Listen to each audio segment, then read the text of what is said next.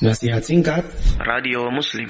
Afan mau tanya sebagai contoh ada sebuah pondok yang mewajibkan santrinya untuk laundry per bulan iuran 100 ribu. Saya kira pakai sistem saldo ternyata tidak. Si anak dalam sebulan kadang laundry kadang tidak. Tapi sudah bayar rutin Sedangkan kalau tidak laundry maka uang laundry hangus. Uh, Itu hukumnya bagaimana Ustaz mengenai hal tersebut? Terima kasih. Silakan. Nah Dia diminta untuk membayar 100 ribu per bulan biaya laundry. Tapi anak kadang laundry kadang tidak. Ya.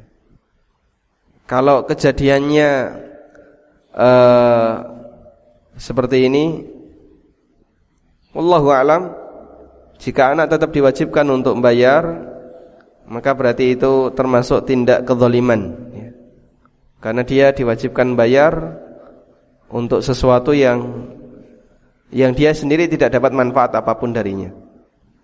Wallahu alam. Sehingga pondok harus memperbarui akadnya yang lebih tepat adalah sesuai dengan kebutuhan.